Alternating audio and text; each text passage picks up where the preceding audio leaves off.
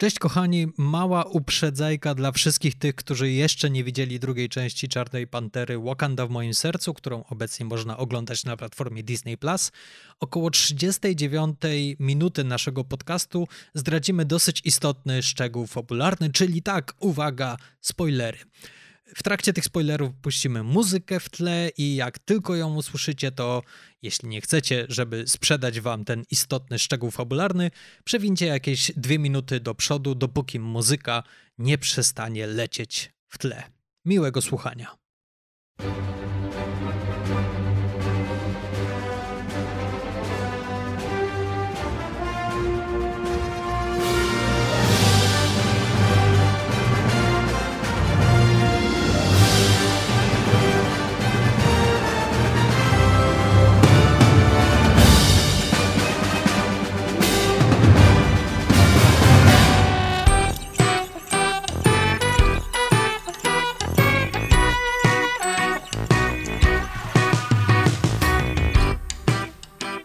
Czy Wakanda rzeczywiście forever?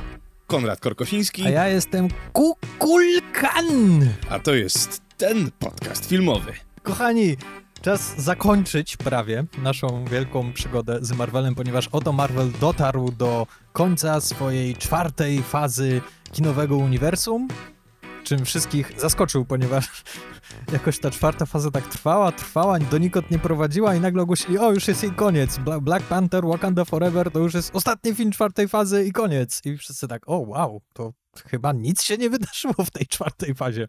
Ale coś jest z tym, co mówisz, bo ciężko porozmawiać o jakimś takim filmie. No wiadomo, że zdarzały się tam jakieś duże rzeczy typu e, i ważne, e, które się zapiszą akurat w tej konkretnej, w, w, tej konkre- w tym konkretnym etapie Marvela, czyli chociażby Spider-Man, wszyscy powrócili i wiadomo, to, to jest jedyny film, o którym się będzie pamiętało, no ale pojawiła się też Czarna Pantera e, jako taka czarna kropka na końcu, na końcu tej historii. No i, no i co? Cykl marvelowski dobiega końca. Czarna Pantera też u nas stawia kropkę i teraz jak będziemy wracali do Marvela, to będziemy wracali w podsumowaniach miesiąca, albo jeżeli będzie jakiś film, o którym warto będzie porozmawiać, no to, no to zrobimy jakiś osobny odcinek, żeby sobie pogadać jako o filmie.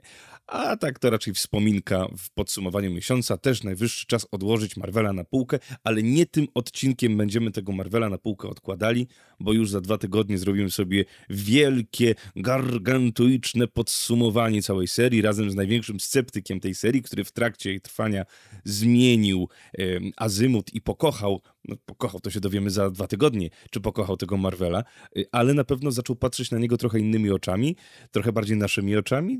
No I Mateusza zapraszamy do tego odcinka, żeby razem z nami ustalił te, ile to będzie, ponad 30 filmów, 40 prawie filmów, tak? E, ustalić w rankingu od najgorszego do najlepszego.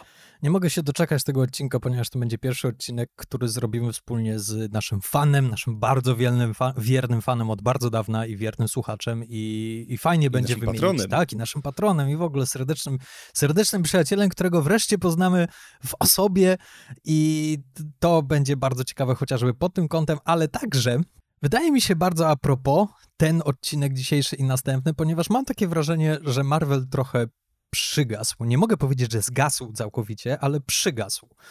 E, kiedy mówi się o największych czy też najlepszych filmach, już nie tylko pod kątem Oscarów, ale ogólnie pod kątem jakichś topek czy podsumowań roku, no to nikt nie wrzuca żadnej produkcji Marvela w tym roku i to jest pierwsza taka sytuacja od bardzo, bardzo dawna. Pomimo tego, iż w 2022 tych produkcji marvelowskich mieliśmy od zatrzęsienia, nie tylko kinowych, ale także serialowych, czyli działo się bardzo dużo ale jak no, niestety się okazuje, niewiele z nami zostało po tym, pomimo tych wszystkich wydarzeń, pomimo tych wszystkich produkcji. Kto by pomyślał, że Star Warsy przybiją Marvela w którymś roku? No ja nie. Ja, to, to jest absurdalna myśl dla mnie. Jeśli się cofniemy trzy lata wstecz, to jakby ktoś mi to powiedział, to jasne, pewnie. E, a tymczasem faktycznie, masz rację. E, Star Warsy przebiły dzięki telewizji, chociaż zniknęły z y, afiszy kinowych, ale y, takie seriale jak Andor czy Mandalorian utrzymały tą franczyzę przy życiu i utrzymały ją w popkulturze i w jakiejś takiej y, dyskusji popkulturowej, głównie na Twitterze i w memach. Natomiast Marvel, no, coś tutaj musi chyba przemyśleć na nowo swoją strategię. Ale na szczęście Star Warsy też mają taką swoją politykę, że zawsze tam, gdzie jest jasna strona mocy, musi też być ciemna strona mocy, żeby ta równowaga została zachowana, więc wypuścili też Obi-Wana. E, tak. Ale mam nadzieję, że to jest y, małe potknięcie i tak samo liczę na to, że Marvel y, teraz już w tej piątej fazie nabierze tempa i, i, i stworzy znowu takie wydarzenia kinowe, na które ludzie będą chcieli chodzić. Chociaż jak na razie to cały czas jest trochę taki powrót do tego, co było kiedyś i co było fajne. Te, te filmy z tej piątej fazy, no to też mamy znowu Antmana, mamy znowu Strażników Galaktyki, czyli znowu będą odcinali kupony z tych poprzednich faz, e, a cały czas jakoś nie możemy dostać czegoś nowego, jakiejś faktycznie nowej rzeczy, która e, pozwoli nam spojrzeć z optymizmem w te kolejne fazy i kolejne y, arki narracyjne, które Marvel dla nas przygotował. Tak, chociaż muszę przyznać, że nowy Ant-Man pierwszy raz mnie ciekawi, więc zobaczymy, co tam będzie się działo. A ja jeszcze wam takim słowem wstępu, albo końca wstępu, powiem, że jestem trochę przeziębiony i już nawet byliśmy blisko, żeby ten odcinek odwołać. Ja byłem blisko, żeby ten odcinek odwołać, ale ostatecznie Piotr napisał, jak coś, to siedzę przy komputerze, jak poczujesz się na siłach, to nagrywamy.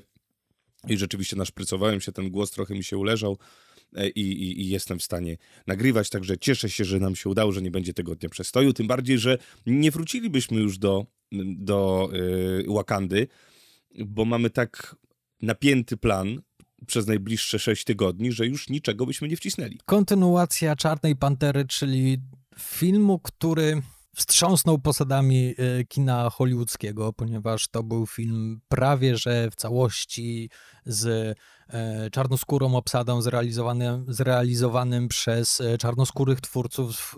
No po prostu bardzo silnie reprezentował tą kulturę i był pierwszym takim wydarzeniem w kinie popularnym z gigantycznym budżetem, w gigantycznej franczyzie, który został powierzony w całości w takie ręce. I jak się okazało, wyszło to znakomicie. E, no i oczywiście podbił box office i stał się wydarzeniem i był nominowany do Oscara i było o nim głośno i no super. W związku z tym wszyscy wypatrywali, co, jak Ryan Coogler oraz Marvel e, pójdą za tym ciosem.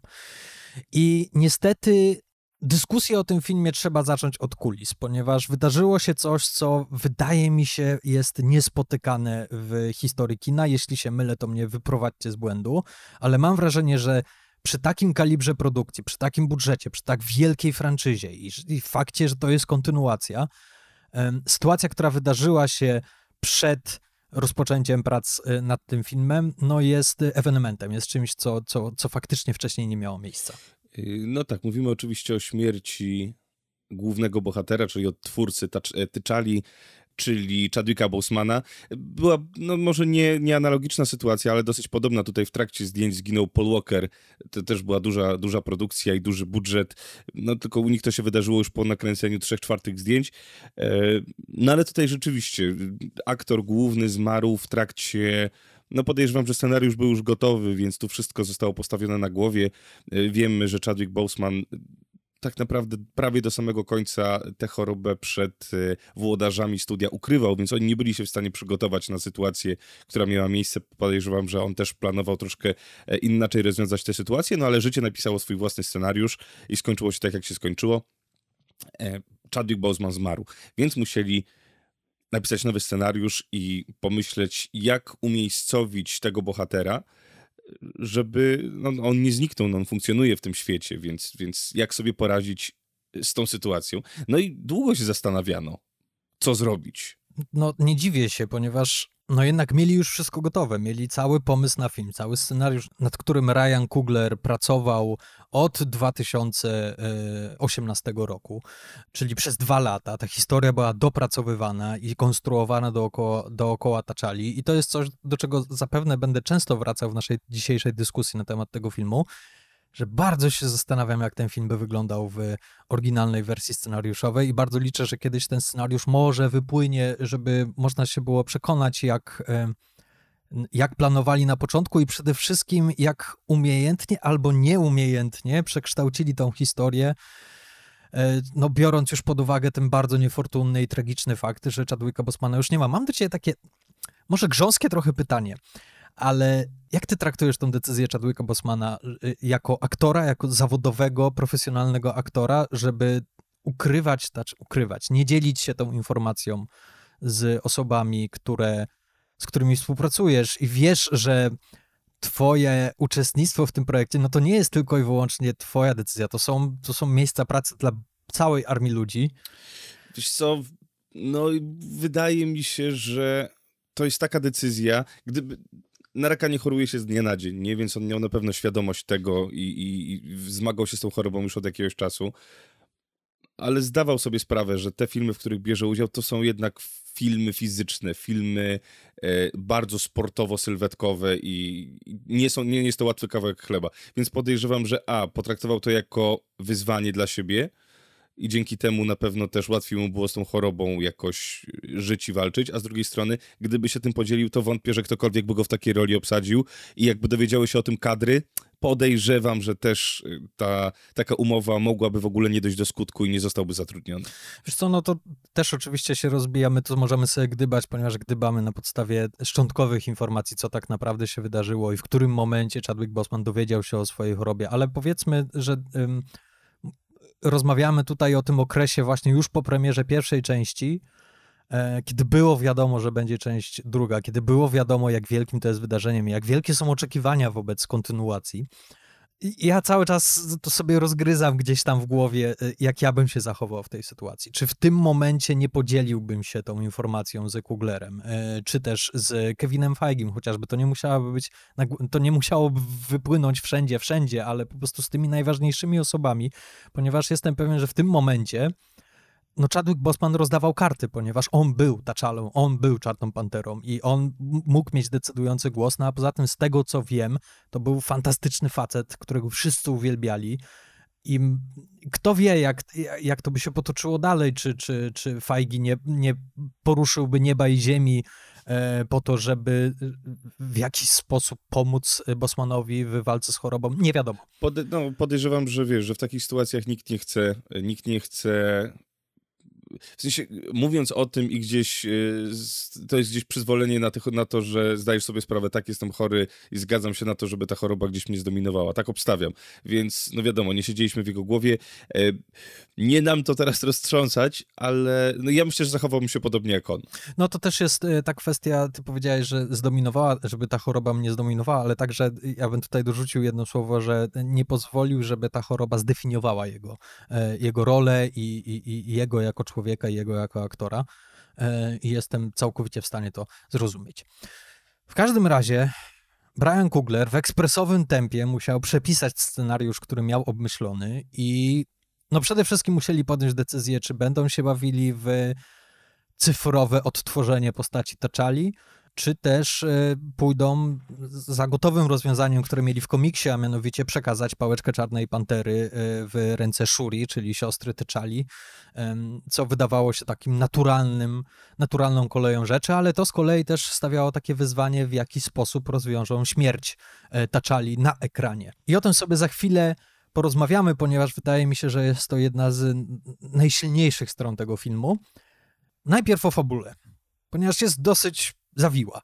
Tak, tak jak już powiedziałeś, na pewno cały film jest jest obarczony, no, niesie na swoich barkach przez cały, e, przez cały, cały obraz śmierć głównego bohatera. Już e, tutaj konkretnie taczali i film opowiada o radzeniu sobie z żałobą, opowiada o radzeniu sobie ze stratą, ale do tego przejdziemy. Jeżeli chodzi o taki prosty plot twist, no to dochodzi do takiej sytuacji, że nagle mm, że Wakanda nie ma króla, więc wszyscy są zainteresowani jej surowcem, jej najważniejszym surowcem, czyli vibranium.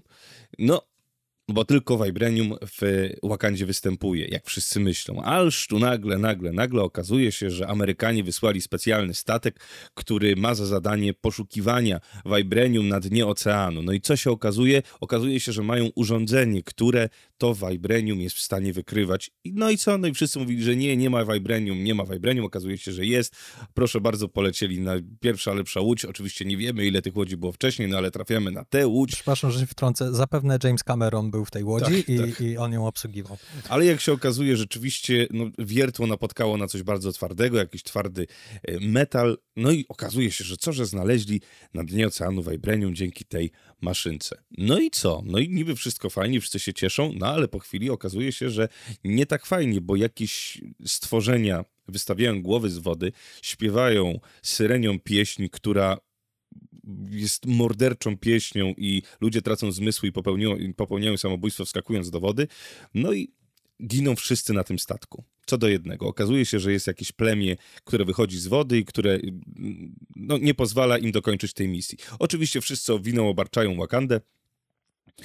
Dalej w Wakandzie dochodzi do, do radzenia sobie z żałobą, z pożegnaniem Taczali. No i co? No i przychodzi tak zwany Namor, Kukulkan, e, który... Kukulkan! Tak, który przychodzi do Wakandy i mówi, to jest wasza wina, słuchajcie, to jest wasza wina, jesteście nam winni przysługę. Jest jakiś amerykański naukowiec, który e, stworzył wyszukiwarkę Vibranium i wy go musicie nam przynieść, e, oddać i my go zabijemy, bo jesteście nam to winni, bo to wy się pochwaliliście Vibranium przed całym światem, więc przez was my mamy przywalone. A ja jestem Namor, jeżeli nam się sprzeciwicie, to ja mam kilkaset tysięcy w ogóle świetnie wyszkolonych jak oni się nazywają? Tukulkanów. E, tulkan, talo, Talokan, tak, Tal, tak. Talokan. Królestwo to jest Talokan, natomiast oni to są chyba Talokanowie? Kukulkan, oni to są chyba... Nie, Kukulkan to jest Neymor. Tak mówią na Neymora, natomiast e, to są chyba Tulkanowie. Tulkanowie. To, to takich nazwijmy, nazwijmy ich Tulkanowie. E, no i oni są fantastycznie wyszkoleni, a poza tym, jak się za chwilę dowiemy, oni są z, zmodyfikowani genetycznie przez samo Vibranium, więc rzeczywiście jest to ciężki przeciwnik, no i jeszcze do tego ma skrzydełka na stopach, bardzo zabawne. Asterix. Tak. No i co? No i nie zastanawiając się zbyt długo, Shuri w, razem z z Okoje. Tak, Shuri razem z Okoje leci do Stanów Zjednoczonych, żeby tę naszą y, panią wynalazczynię, panią naukowiec sprowadzić do Wakandy. Okazuje się, że jest to malutka nastolatka, która jest wybitnym geniuszem, ma 19 lat i rozwiązuje prace domowe za swoich nierozgarniętych znajomych na jakimś tam uniwersytecie Yale czy gdzieś tam. No w każdym razie no, Tulkanie nie są zadowoleni, Tulkanie przy, razem z, śledzą Shuri i zabierają ją i Riri do Wakandy. No i co? No i może tutaj zostawię. Tak. I tak, co? No to, i jeszcze tutaj moment w Wakandzie. Królowa, która teraz y, jest królowa, czyli Ramonda. Królowa Ramonda, grana przez Angelę Bassett, nominowana do Oscara, mówi, że nie, co, co byście narobili, trzeba odzyskać Shuri. No i tutaj właśnie w tym momencie was zostawię. I co tam się wydarzyło? Wróćmy sobie do początku. Ja muszę przyznać, że ta pierwsza godzina, no może nie cała godzina filmu, czyli ten cały pierwszy akt, e, aż do momentu porwania Shuri i, i Riri, to jest jeden z najlepszych Marveli, jakie oglądałem. Ja uwielbiam tą tak, pierwszą, pierwszą część, ponieważ ona jest tak skupiona i tak konsekwentna i tak, tak sprawnie opowiada tą historię, wrzuca nas w tą sytuację i bardzo sprawnie przeprowadza nas przez wszystkie elementy, żebyśmy wiedzieli, co jest gdzie. Po pierwsze, bardzo szybko sobie przypominamy, jak Wakanda jest zajebista, to znaczy pomimo tego, iż nie ma już T'Challi, pomimo tego, iż nie ma Czarnej Pantery, która ma chronić Wakandę, to przypominamy sobie, że no tak, ale nawet w pierwszej części to już było widać, że Wakanda to tak naprawdę jest królestwo kobiet. Tam są zajebiste babki, którym nikt nie podskoczy i bardzo szybko oni nam to pokazują w tej pierwszej scenie po wstępie, którym jest pogrzeb Taczali. Mamy scenę w ONZ. Okoje, Ramonda, Shuri to są przekozaki i nikt im nie podskoczy. I to mi się bardzo podoba. Podoba mi się y, nowy wróg, czyli Namor. I podobają mi się Tulkanie i przede wszystkim podoba mi się to, jak oni są przedstawiani. To są sceny jak z horroru, jak oni po raz pierwszy się pojawiają. Jest taka niesamowita aura tajemnicy dookoła nich i ona działa świetnie. Tutaj trzeba przede wszystkim też pochwalić Ludwika Goransona, który w warstwie muzycznej świetnie ich też po podprowadził i też nabudował tą tajemnicę. Ogólnie wszystko tutaj ma ręce i nogi. Tak samo wprowadzenie Riri Williams, bardzo fajna, bardzo zabawna scena z nienachalnym humorem i ta chemia pomiędzy Riri, Shuri i Okoje bardzo dobrze działa. I tak naprawdę w momencie, w którym wkraczamy do Królestwa Talokanu, które ostatecznie oczywiście widzimy, film zaczyna się sypać. W tym momencie ja zaczynam się zastanawiać, jak ten film by wyglądał, gdyby Chadwick Boseman dalej był z nami. Ponieważ mam wrażenie, że ta pierwsza część jest tak skupiona i tak skoncentrowana i tak sprawnie opowiadana, że to jest tak naprawdę to samo, co miał w pierwszej wersji scenariusza e, Kugler, tylko że delikatnie przesunął akcenty. Tylko że już w tych kolejnych etapach te, to przesunięcie akcentów już zaczęło się sypać. I ja mam taką teorię, że ten scenariusz y, oryginalny, w którym T'Challa y, grałby cały czas pierwsze skrzypce, to to byłaby fantastyczna historia pojedynku pomiędzy T'Challą a, Neymorem, jako dwoma władcami, którzy są bardzo do siebie podobni, a jednocześnie tak bardzo się różnią. E, I kto ma tutaj rację? Coś, coś w stylu tego, co mieliśmy w pierwszej części z, z Michaelem B. Jordanem. On też był takim wrogiem, który ma rację i dlatego był tak silny. E, I tutaj podobnie pewnie był kreowany Neymor. Niestety w momencie, w którym akcenty zostały przesunięte na Shuri, no to już widać, że troszkę tak ona się nie za dobrze wpasowuje w ten wątek y, Tulkanów i Neymora, y, ta rozmowa z Neymorem, którą on ma, y, z którą, która pojawia się w połowie filmu, gdzie niby próbują wrzucić, że Neymor się wypowiada na temat straty bliskiej osoby, czyli coś, co dla Shuri jest bardzo ważnym wątkiem, ale jednocześnie tak sobie myślisz, a co Neymor wie o, o stracie bliskiej osoby? On ma 500 lat, to, to 500 lat temu stracił kochaną osobę, to co, jakie to jest porównanie? I później pojawia się niby ta wściekłość, Shuri, jakby tutaj zaczyna się zbyt dużo piłek w grze, się pojawia i wydaje mi się, że nie wszystkie znajdują wydźwięk, tak jak to powinno wyglądać. A ty jak myślisz? Ja się zgodzę tutaj z tą twoją myślą, że jest to ten początek, to jest jeden z lepszych Marveli. W ogóle to jest bardzo niemarvelowski film, który niestety w którymś momencie staje się zbyt marvelowski. E, I, i, i to go trochę psuje, to, to, mu, to mu robi krzywdę. Mm, ja lubię tego Namora. Neymora.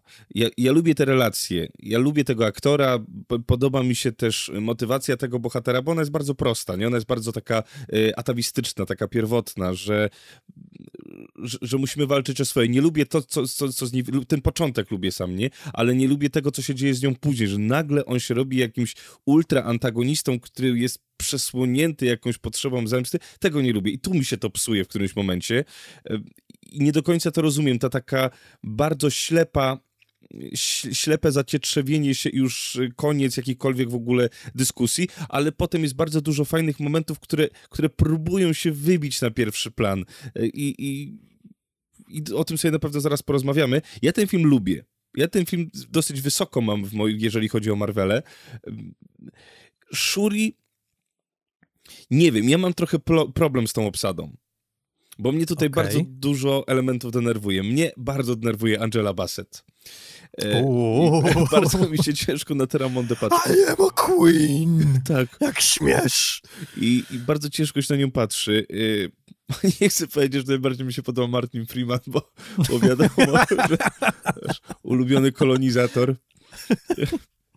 Utożsamiasz się z nim, czujesz się reprezentowany na ekranie. I on po prostu jest zawsze takim fajnym elementem, ale rzeczywiście ten Teno Huerta, czyli Neymar, ma w sobie coś takiego, coś dziwnego. Ja nie wiem, czy to jest... Yy, ciężko o nim znaleźć jakieś informacje. Dobra. Ja muszę tutaj się wtrącić, skoro już mówimy o Neymarze. Ja bardzo lubię postać Neymora na papierze. To jak jest e, wymyślona, chociaż zaznaczając, że te wszystkie jakieś takie drobne potknięcia, które domyślam się, że wyniknęły z tego, że no Shuri to nie jest ta czala, to nie jest ta sama relacja. jeśli chcieli przesunąć te akcenty z Shuri na czale, ponieważ jesteś w stanie sobie wyobrazić film, że Shuri gra rolę Riri Williams, to ona jest tym genialnym naukowcem, która coś tam wymyśla, natomiast czala pełni funkcję Shuri. Jesteś w stanie wyobrazić sobie ten film i on ma troszkę więcej sensu wtedy. Natomiast w momencie, w którym Shuri staje się e, właśnie głównym bohaterem, no to jakby nie, to, co napisali dla tego duetu T'Challa i Namor, to już za bardzo nie tak. chwieje się troszkę Oczywiście, posadach, że tak. Nie? Ona ma bardzo trudne zadanie. Shuri ma tutaj w ogóle w tym filmie, jest, jest to jest karkołomne zadanie, dlatego tak bardzo ma w sobie dużo tej potrzeby niezgody tego, co łączy ją gdzieś tam tą prostą nitką z tym Neymorem i przez ten cały film próbuje jakoś się pogodzić z tą stratą, jakoś sobie to usprawiedliwić. I to jest fajne, to jest chyba naj, najmocniejszy y, element tego filmu, który jest taki, taki ludzki, dla nas prosty do zrozumienia, bo to są takie, y, takie rzeczy, które są właśnie w tej najprostszej nitce dla nas najprostsze do umotywowania, nie? Więc wszystkie rzeczy, które ona robi, jest łatwo usprawiedliwić. Tak, ale później robią tą woltę, że nagle pojawia się zemsta, nagle pojawia się wściekłość, zarówno w Shuri, jak i w Neymorze. I to robi się tak nagle i tak niespodziewany. Dosłownie w ciągu pięciu minut tak, ekranowego. Tak, ale jeszcze zanim, bo, bo, bo, skaczemy, a chciałbym wrócić do pierwszej e, ekspozycji tego nowego, y, tulkanowego, tukulkanowego pojawienia się na tej łodzi i nagle oglądasz, wiesz, film Marvela, gdzie okej, okay, no tam się różne rzeczy dzieją, jakoś bardzo dużo krwi w Marvelu nigdy nie było, nie, że tam ta krew się nie lała strumieniami, bo to jest raczej family friendly content, a zdarzały się różne rzeczy, rzeczywiście było więcej agresji albo mniej, e, no ale rzeczywiście dawno nie widziałem w Marvelu takiego takiego bestialstwa, może tak to nazwać, nie wiem czy bestialstwo to jest dobre słowo, ale takiego bezrefleksyjnego zabijania, takiego wręcz horrorowego, takiego, że jest czysta agresja, 100% agresji, bez podparcia takiego, że najpierw pogadamy, coś zrobimy, dorzucimy dowcip. Tutaj jak oni nagle zaczynają śpiewać i ludzie zaczynają popełniać samobójstwo zbiorowe, to jest scena tak wbijająca w fotel, jeszcze te dźwięki, ta kakofonia dźwięków, która zaczyna coraz bardziej, coraz więcej i już wiesz, że mamy do czynienia z jakimiś ultra sukinsynami. Tak, zwłaszcza, że to jest bardzo trudne stworzyć e, takiego antagonistę, czy takich antagonistów, którzy faktycznie byliby zagrożeniem dla tak zajebistych postaci Łakańczyków ponieważ oni są nie do przebicia, są nie do zniszczenia. E, I tutaj im się udało. Udało im się stworzyć autentyczne zagrożenie, coś czego się nie tylko oni są w stanie rzucić wyzwanie Łokandzie, ale oni także są straszni, oni są przerażający, to co ty mówisz i to, co wcześniej mówiłem, że to ich pierwsze pojawienie się, właśnie ta scena, to jest jak z horroru, to jest to, że nie widzimy ich twarzy, to, że oni wyłaniają się z tej wody, to, że są owiani taką tajemnicą. I, i później ta scena na moście, w którym... E, oni się regenerują. Ich... Tak, są kry... to są zombie. Nie do końca rozumiem, dlaczego oni się regenerują, ponieważ to nie zostaje nijak wyjaśnione. Tym bardziej, że potem się nie regenerują. Tylko tak. w tej scenie się regenerują. Tak, ale e, w tej scenie, konkretnie na moście, ja się bałem o okoje. Ja się bałem, że tak, oni tak, zabiją tak. okoje, co by było super w ogóle, że, że wow. Bardzo brutalne są te walki. Nie widać, że to mało jest tutaj. E, bo bardzo często w Marvelach oglądamy bardzo dobrze przygotowane układy. I to wygląda jak dobry układ, fajna bitka, fajna walka. A tutaj widać, że to jest walka o życie. I widzisz, tak. że każde złe uderzenie robi ci krzywdę. I patrzysz na to z zapartym tchem. No. Znaczy w tej scenie, nie? Bo potem już przechodzimy... Tak, tak, tak. No tak. mówię, do, do, tak, tak. do tego momentu mhm. to jest naprawdę imponujący wyczyn ze strony Marvela. Natomiast jeszcze a propos Neymora, no to ja powiem tak, ja nie jestem fanem tego aktora. Wydaje mi on jest, to jest dobry aktor. Dobry aktor, spoko, w porządku. Tylko, że ja bym go nie obsadził w tej roli. Po pierwsze, mam kilka argumentów. Po pierwsze, bardzo się cieszę, że Marvel wreszcie odszedł od e, nierealistycznych wzorców męskiego ciała, mhm. które pokazuje w swoich filmach. Jestem pewien, że wielu facetów zrobiło sobie krzywdę na siłowni, no jak tak. zobaczyło Chrisa Evansa, jak wychodzi tak. z komory. Neymar jest misio, tak. Neymar jest misio. I chociaż szanuję to, że to jest normalne ciało, to jednak mimo wszystko to jest facet, który przez ostatnie 500 lat pływał. Nie wiem, czy nie powinien czy nie powinni tutaj jednak pójść w stronę tego takiego idealnie wyrzeźbionego męskiego ciała? Skoro Thor wygląda jak wygląda. Ale ma taką sylwetkę pływacką właśnie. On ma ultra zbudowane plecy. Zresztą jest taka scena, gdzie on wychodzi z tej wody i to jest tak naprawdę mięśnie zbudowane z, z plecomięśnie, no. No okej, okay, ale jak spojrzysz z przodu, to masz takie... Hmm, Chyba zjadł za dużo pizzy, chyba. Może tak, ale ja, on ma w sobie coś takiego, co mi się podoba. W sensie ma w sobie jakąś taką tajemnicę, ma w sobie. Jest niebezpieczny potrafi zagrać to w taki sposób, ta pierwsza rozmowa, bo tak jak mówimy, ten mhm. pierwszy element tego filmu, bo potem jak już krzyczy, że yy, opłaczcie swoich zmarłych, macie tak. czas na żałobę, wrócę tu za tydzień. Yo, i pływam. E, nie, to, to pierwsze, kiedy wychodzi z wody i mamy tylko, nazywają mnie tak, tak, tak, że dają nam odrobinę tej mitologii, mówi to tym półszeptem, w fantastycznych okolicznościach, kiedy mamy go w, w półciemności e, i, i masz takie, o kurde, zdolny człowiek, coś, coś ciekawego. Fajny antagonista. Tak, tak, ale jednocześnie on, on za bardzo nie ma prezencji na tym ekranie. Dla mnie nie ma przynajmniej. Właśnie. właśnie to jest, to jest, to jest postać, która żyje pięć wieków. Wiem, że to jest beznadziejny pomysł castingowy, ale obsadźcie w tej roli, nie wiem, Tilda Swinton, Hugo Weavinga, kogoś, komu spojrzysz w oczy i widzisz, że on po prostu żyje i ma tą mądrość przedwieczną.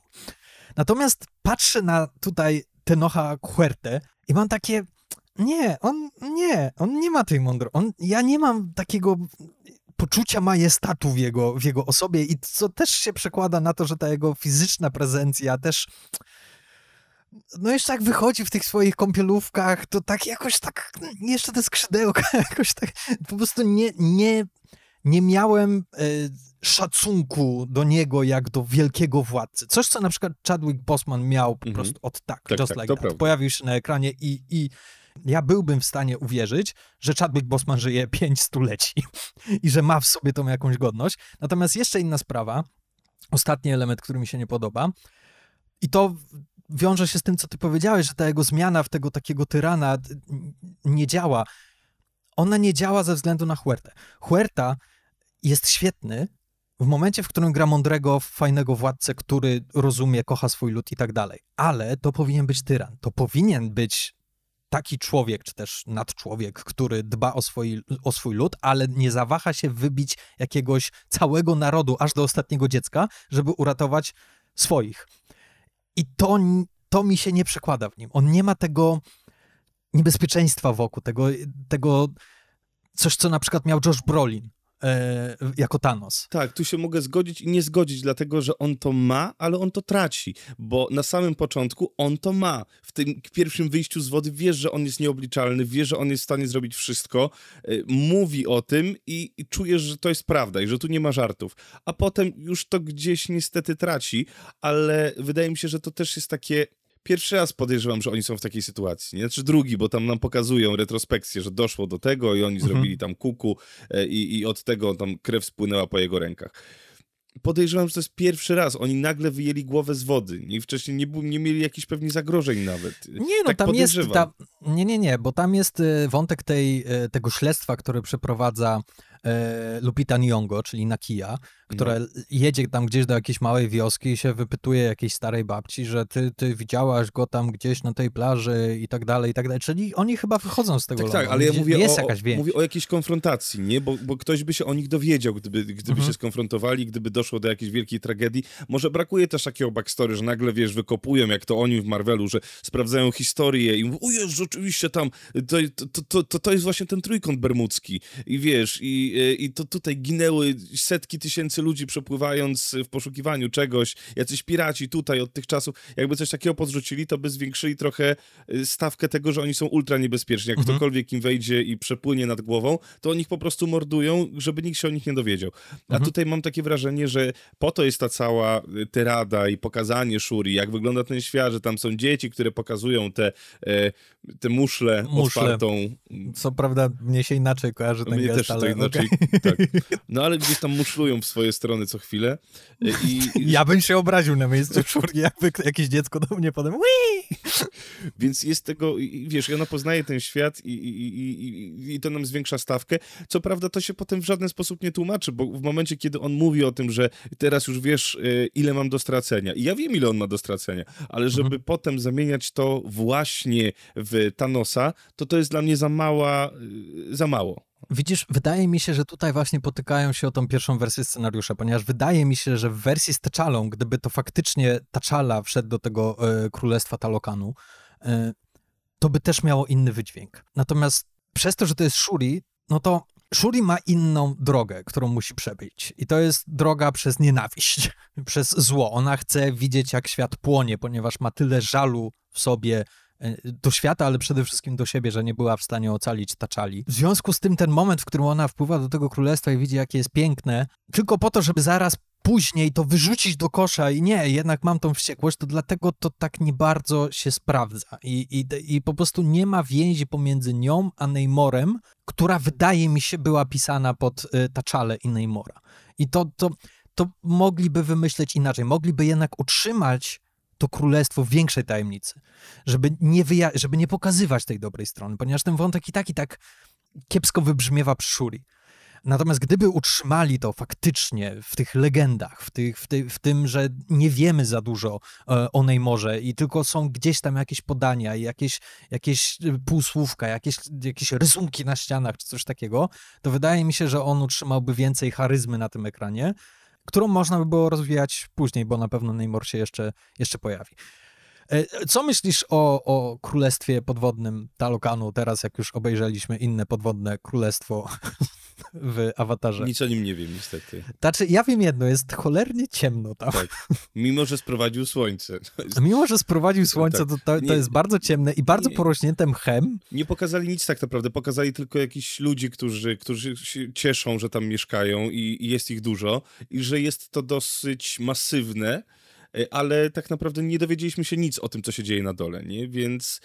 Jeśli próbowali to zrobić z tego taki efekt, jaki mieliśmy, kiedy po raz pierwszy w pierwszej części widzieliśmy Wakandę, E, no to im nie wyszło. No nie wyszło na pewno, na pewno im nie wyszło. A chyba w to celowali, żeby, zresztą to później zestawiają bardzo dosłownie w takiej sekwencji montażowej już na sam koniec, gdzie zestawiają ujęcia właśnie z Talokanu, z y, ujęciami z Wakandy. Nic nie widać, przez to jeszcze, że to jest y, pod wodą, to mamy taką, y, taki efekt, nie, nie, jak jesteśmy pod wodą, to widzimy tak jak, tak jak czasem, to jest, nie wiem, wydaje mi się, że to jest sztuczny efekt, niepotrzebny, ale sztuczny, że mamy taką lekką giełkę tak, i tak, mamy tak. taką, wiesz, y, postprodukcyjnie zrobione, o teraz jesteśmy pod wodą.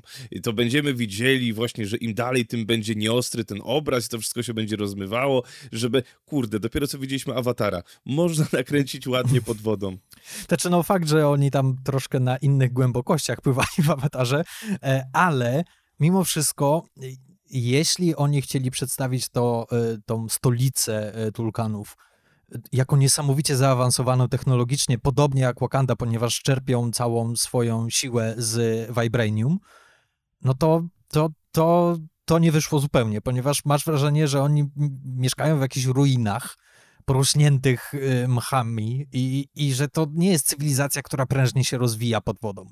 E, a, a chyba tak to powinno zostać sprzedane. I nie wiem, czy to wynika z, właśnie z tego, z tego, z tego efektu, o którym ty mówisz, tego takiego zamulowania, że to jest takie mętne i, i, i, i ciemne, no coś, coś tam po prostu nie wypaliło i to też może wpływa też na nasz odbiór tego, tego filmu, że no... Nie no, pod wodą jest bida, po prostu pod wodą jest bida i czekamy, aż się stamtąd wydostaniemy i trochę zaczynamy współczuć Tulkanom, że muszą żyć w takich warunkach. Tak, e, tak i ma, jestem pewien, że e, Kugler w trakcie seansu Awatara zrobił cholera. fuck, fuck, fuck, dude! e, no dobrze. E, nie podoba mi się ostatnia wielka scena walki, ale nie podoba mi się z jednego powodu, ponieważ jest brzydka wizualnie, ponieważ mhm. z jakiegoś niewyjaśnionego dla mnie powodu umieścili ją na metalowym statku pośrodku oceanu. I to wszystko jest tak bidne w kolory i jest tak nieładne tak. po prostu, e, że to trąci.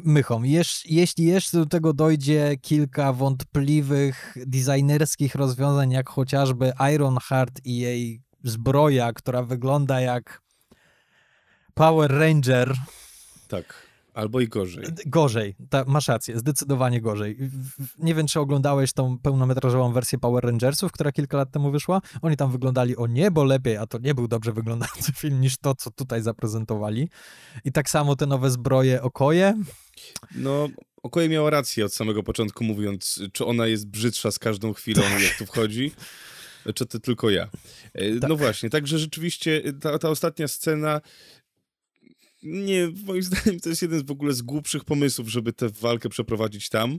Nie wiem dlaczego w ogóle scenariuszowo na to wpadli. To jest takie głupie. Znaczy rozumiem, że chcieli ich wyciągnąć i, i w ogóle, ale mogliby to zrobić na jakiejkolwiek wyspie, żeby mieć jakąkolwiek przewagę. Znowu, e, porównajmy to do ostatniej akcji w Awatarze, gdzie no też tak. się że dzieje na metalowym statku na wodzie, a mimo wszystko nie masz tej takiej biedy w kolorach, tej takiej biedy wizualnej. Tak, to, tak, to tak. jest atrakcyjne. Nie, no tam to jest y, wow jest sztos i w ogóle tam wszystko żyje i się rusza, a tutaj y, płynące orki, które niosą bomby, w ogóle nie są, są ledwo widoczne przez ten muł, a jesteśmy jednak bliżej tego, y, tego, tego horyzontu, nie? Więc y, no, średnio to wygląda. No i co? No i ostateczna walka, znaczy ostateczna walka mi się podoba, bo ona, ona ma wagę, nie? Ona, ona coś waży. Chciałem jeszcze porozmawiać o Angeli Bassett. Mhm. Proszę bardzo. Nominowałby się do Oscara za to? Nie, nie nominowałbym jej. Chociaż ma Oscarową scenę, która była w zwiastunie już. I, i już po zwiastunie było widać, o cholera, Angela Bassett idzie po Oscara. Wszyscy wiemy, która to scena, tak, tak. Tak. E, I to jest faktycznie imponująca, potężna scena w jej wykonaniu, ale ona tak naprawdę gra cały czas jedno i to samo. Czyli gra dostojność, podszytą wielkim bólem po stracie całej swojej rodziny, prawie.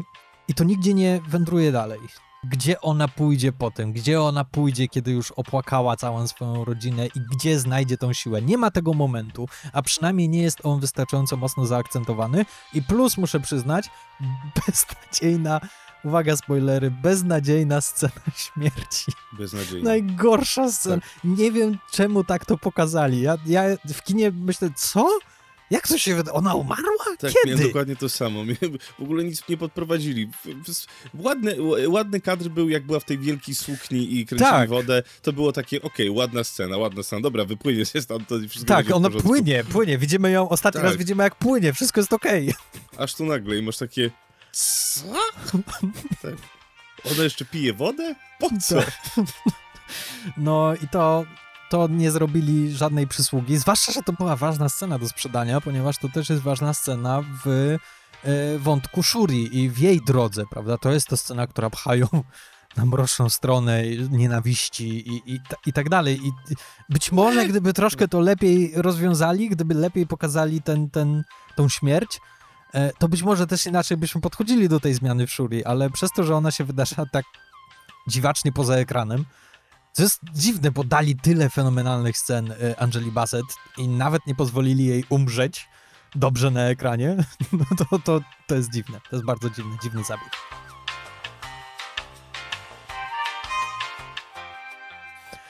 E, porozmawiamy jeszcze o naszym ulubionym kolonizatorze. Tak, no Martin Freeman mnie zawsze bawi, więc jest go tutaj sporo, bo on pełni bardzo ważną funkcję łączenia się z światem zachodu i on jest tym, tą, tą ręką, tym uchem, tym okiem w CIA, więc no, nie oszukujmy się, no on jest takim wytrychem fabularnym troszeczkę, że cokolwiek nie wiadomo, co się dzieje, no to on im wszystko podpowiada i mówi, co się dzieje e, i ich naprowadza na, e, na kolejny krok. No, no, tak, no. Ja, ja, muszę od razu też powiedzieć, że mnie się nie podoba McGuffin tego filmu, po prostu. Że tutaj dla mnie ta Riri jest, e, jest chybionym pomysłem, bo ona nic nie wnosi tak naprawdę. Jak, jak nagle poznajemy prawdziwą motywację Neymora, no to tak mhm. naprawdę Tariri traci jakikolwiek sens, jakiekolwiek znaczenie dla tego filmu. I to Więc... widać. Tak. I... Ty powiedziałeś na początku, że, że e, lubisz ten film e, i że e, te, ta pierwsza godzina jest najlepszym filmem Marvela, a później oni wpadają w pułapkę marvelowską, albo że później robi się taki klasyczny Marvel, przynajmniej dla mnie to jest taki klasyczny Marvel z ostatnich lat, to znaczy, że tak, tak.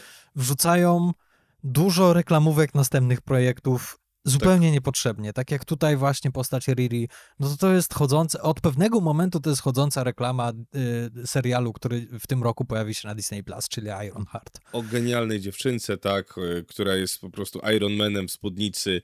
Y, I, no i, i okej, okay, okej. Okay. Ja pewnie nie obejrzę, bo ja za, za, za, serialami nie przepadam Marvelowymi. Nieważne. No w każdym razie rzeczywiście ten film potyka się o swoje własne nogi, zamiast skupić się na tym, co jest najważniejsze. No i tak samo y, to, co mówiliśmy przy Riri, tak samo postać Julie Louis Dreyfus, yy, czyli Valentiny. Nie wiem, czy kojarzycie postać, yy, którą grała Viola Glut Davis yy, w Lidze Samobójców, czyli tej takiej jest bardzo niebezpiecznej i, i, twardej babki, która werbuje wszystkich złoczyńców do tego, aby walczyli w imię dobra. Taką rolę, jest, taką rolę pełni Valentina w Marvelu i ona jest chodzącą reklamą nadchodzącego e, w, w przyszłym roku filmu Thunderbolts, czyli właśnie takiego Legionu Samobójców dla Marvela. I znowu, jej funkcja tutaj w tej konkretnej fabule jest bardzo, jest taką zapchaj dziurą, a wydaje mi się, że przy, zapchaj dziury w tej historii nie, nie powinny mieć miejsca, zwłaszcza, że ten film jest bardzo długi, jak na Marvela. Oj, tak, to są trzy godziny. Ale mimo wszystko ten film mi się podobał. Ten film mi się dobrze oglądało. Ja się na tym filmie nie nudziłem i jeżeli w tę stronę pójdzie Marvel, czyli zrobi rzeczywiście trochę bardziej refleksyjne kino, w co nie wierzę oczywiście, ale, e, ale może to nie jest zły pomysł, żeby, żeby nie traktować już widza jak debila, bo te, te ostatnie lata były naprawdę trudne, jeżeli chodzi o, o zaufanie do widza. To nawet nie jest kwestia zaufania do widza, to jest kwestia tego, że oni jakby stracili frajdę z opowiadania historii, ponieważ dla nich w chwili obecnej ważniejsze są nawiązania do 40 różnych projektów, które albo już się pojawiły, albo jeszcze się pojawią, albo jeszcze później się pojawią. I, i przez to jakby gdzieś tam taka czysta frajda z obserwowania super bohaterów na ekranie, co miały pierwsze y, filmy Marvela, zniknęła i wyparowała. I ja tutaj nie mam w, w ostatnich filmach nie miałem ani jednego takiego momentu, high five e, z widzem siedzącym obok. O wow, jaki to jest zajebisty widok, żeby zobaczyć tych superbohaterów robiących tak cool rzeczy na ekranie. Nie jestem do końca przekonany co do drugiej części Czarnej Pantery, z wyjątkiem tej pierwszej godziny, ale całkowicie się zgadzam, że jeśli chodzi o potraktowanie śmierci Chadwicka Bosmana i w związku z tym taczali na ekranie, to zrobili fenomenalną robotę tak naprawdę w dwóch scenach które otwierają i zamykają ten film. Chcesz o, o samym otwarciu porozmawiać, tak? Czyli o pogrzebie. Y, nawet nie pogrzebie. Pierwsza scena to jest y, scena y, w laboratorium, w którym zostajemy wrzuceni. Ach, tak, tak, tak. Jeszcze zanim w ogóle, tak, jeszcze tak. zanim w ogóle pojawi się logo Marvela, to, to, to jeszcze tak, na tak. czarnym ekranie jesteśmy wrzuceni w sytuację ratowania Taczali, czego ja się osobiście się nie spodziewałem. I wydaje mi się, że jest to zrobione niesamowicie ze smakiem, ponieważ tak skupiamy się na Shuri, co jest bardzo mądre pod kątem dalszej historii, ale jednocześnie też rozwiązuje tą kwestię kontrowersyjną, co zrobimy z Taczalą. Jedyne, co dowiadujemy się, że zabiła go jakaś dziwna choroba, jakaś nieznana choroba i tyle wiemy. E, nic więcej nie jest powiedziane i rzeczywiście jesteśmy świadkami do śmierci Taczali. W pierwszych 15-20 sekundach filmu dowiadujemy się, że serce Taczali przestaje bić i koniec. I nie możemy z tym nic zrobić. Jest ostatnia walka, próba walki o jego życie i dziewczyna, która dostaje wszystkie instrumenty do tego, co jest zresztą powiedziane w filmie, żeby go uratować, nie jest w stanie tego zrobić. E, I, no i dlatego też w niej jest największy ten bunt, że ona jako jedyna była, by, mogłaby jakkolwiek zadziałać i jakkolwiek go uratować. Jest bardzo bolesna do oglądania, ponieważ ona jest, y, jest bardzo ludzka także dla widza, który jest w stanie się utożsamić z Shuri, domyślam się, że każdy z nas miał taką reakcję, kiedy pewnego ranka e, otworzył Twittera i zobaczył, co? I, I, jak to możliwe? Jak to się w ogóle stało? Czyli to bardzo zgrabnie to wpletli w tkankę tego filmu i bardzo z szacunkiem do tego, co się wydarzyło. Nie robili z tego, że Taczala został zabity przez jakiegoś boga y, z kosmosu, który nie wiadomo co zrobił. Nie, bardzo ludzka, zwykła sytuacja i jeden z najbardziej wstrząsających openingów Marvela, jaki widziałem. Nawet chyba przebija te z Infinity War i z Endgame. I później dopiero mamy scenę e, pogrzebu, która zresztą jest bardzo piękna wizualnie, ponieważ mamy wszystkich w bieli a nie w czerni. E, no i tak, e, i rzeczywiście może podoba się, czy mnie jakieś kilka rozwiązań tam na tym pogrzebie, typu te namagnesowane, wiesz, e, zabieranie trumny, jakieś rzeczy, których ja bym sobie podarował, no ale w każdym razie, okej, okay, początek rzeczywiście jest, jest uderzający, no ale jest jeszcze zakończenie, które też jest uderzające i też jest przepiękne, czyli mówimy o scenie po napisach końcowych, czyli o Stingerze, który w Marvelu wiemy, że często występuje. Tutaj wystąpił troszkę pod innym, pod innym znakiem, czyli właśnie pod znakiem pożegnania. To był Stinger, mm, taki, taki już ostatnie pożegnanie Chadwicka Bosmana, czyli Shuri obiecała na Ki, że pojedzie do niej na Haiti, że odwiedzi ją, jeżeli przeżyją, to razem się spotkają na Haiti w domu na Ki, czyli w domu byłej no, dziewczyny Taczali. No i jedzie tam i kogo spotyka? Spotyka syna Taczali, czyli Taczale, syna Taczali, księcia Wakandy. To jest bardzo, to jest bardzo wzruszająca scena. Wiesz, jak ja ją widziałem, to miałem takie, o kurde, o no, kurde, Marvel. To jest y, na tyle symboliczna scena, że jakby też y, dla fanów y, tej postaci jest to, że ta postać nigdy nie umrze i że ona, tak. ona wróci, że jakby ta spuścizna jest kontynuowana i tak dalej. Wejdę ci jeszcze w słowo. Jest też taka scena, w, ostatnio robiliśmy, musieliśmy obejrzeć całą serię Szybkich i Wściekłych i jest podobna scena, kiedy pojawia się małe dziecko na rękach, jak on się nazywa? Już zapomniałem. E, Wina Diesla? Wina Diesla. I tak go pytałem, jak dasz mu na imię? Brian. e, ale jeszcze zanim pojawi się syn Taczali, e, jest scena e, pożegnania. E, czyli tak, spalenia szat żałobnych. Spalenia szat żałobnych. To jest coś, co oni już wprowadzili wcześniej, właśnie w tej scenie, w której po raz pierwszy poznajemy tak bardziej Neymora, kiedy wychodzi z, wylatuje na swoich skrzydełkach z e, rzeki w Wakandzie. Wcześniej mamy scenę, w której Angela Bassett jako Ramonda bierze Shuri. W rocznicę po śmierci, tak. W rocznicę po śmierci, po to, aby pożegnała Taczale, ponieważ ona przyszła tutaj wcześniej sama, Ramonda przyszła tutaj wcześniej sama, spaliła rytualnie swoje szaty i tym samym zakończyła żałobę i w tym momencie poczuła, że Taczala do niej przyszedł i, i, i jakby swoją obecnością dał jej znać, żeby ruszyła dalej ze swoim życiem. I jak to zostało wprowadzone, jak była ta scena, to ja już mówię, oho, to wróci? to już wiem. Spodziewałem się, że ona pojawi się wcześniej, że to rytualne palenie szaty i pożegnanie taczali to będzie y, zanim y, Shuri przejmie y, pałeczkę Czarnej Pantery, że to będzie taki moment, który będzie. Nie spodziewałem się, że zostawią to na sam koniec. I ja się tak bardzo bałem, że oni na tej scenie wykombinują jakieś, że gdzieś tam w promieniu światła pojawi się ta czala, może niekoniecznie zrekonstruowany cyfrowo, ale że może jakieś niewykorzystane ujęcie wezmą, coś takiego. Ba bardzo ładnie sobie z tym poradzili. Jako wspomnienie i wszystko, super. Zaskoczyło mnie to, jak bardzo to jest ludzki moment. Że, że nie, nie, nie pokusili się tutaj o, wiesz, opuszczenie jeszcze oczka jeszcze raz pokażą taczale. Nie, to jest po prostu człowiek, który opłakuje zmarłą osobę i, i wspomina ją na plaży przy ognisku i to było tak ładne i to było tak wzruszające i z takim gustem zrobione, że szapoba w stronę Kuglera i w stronę Marvela, że w taki sposób do tego podeszli. Wakanda forever! No, ale w każdym razie, yy, no to trzeba oddać Marvelowi, że Marvel potrafi w takie rzeczy i potrafi yy, tych swoich współ współpracowników jakoś ukoronować. Sam ten początek, o którym rozmawialiśmy, wstęp. No potem jest całe logo Marvela w kompletnej ciszy, bez żadnego dźwięku, tylko z ujęciami z, z Chadwickiem Bosemanem i to też jest bardzo silne. Jak widziałem to w kinie, to miałem takie, o kurde, tego wstępu w takiej kompletnej ciszy jeszcze nie słyszałem i to tak. było takie wow. To nawiązali taką bardzo osobistą relację w tym openingu z widzami. U, ujęli taką piękną klamrą ten film, który ma swoje problemy, o czym już rozmawialiśmy, to ten film winduje do góry o jeden poziom co najmniej. No dobrze, kochani, no to tyle na dzisiaj. Zgodnie z obietnicą miał być krótki odcinek, a właśnie stuka nam godzina materiału, więc no chyba najwyższa pora powiedzieć dość. Słuchajcie, no jest y, taka szansa, że na początku marca Marvel dostanie pierwszego Oscara aktorskiego w swojej 10, ponad 10-letniej historii.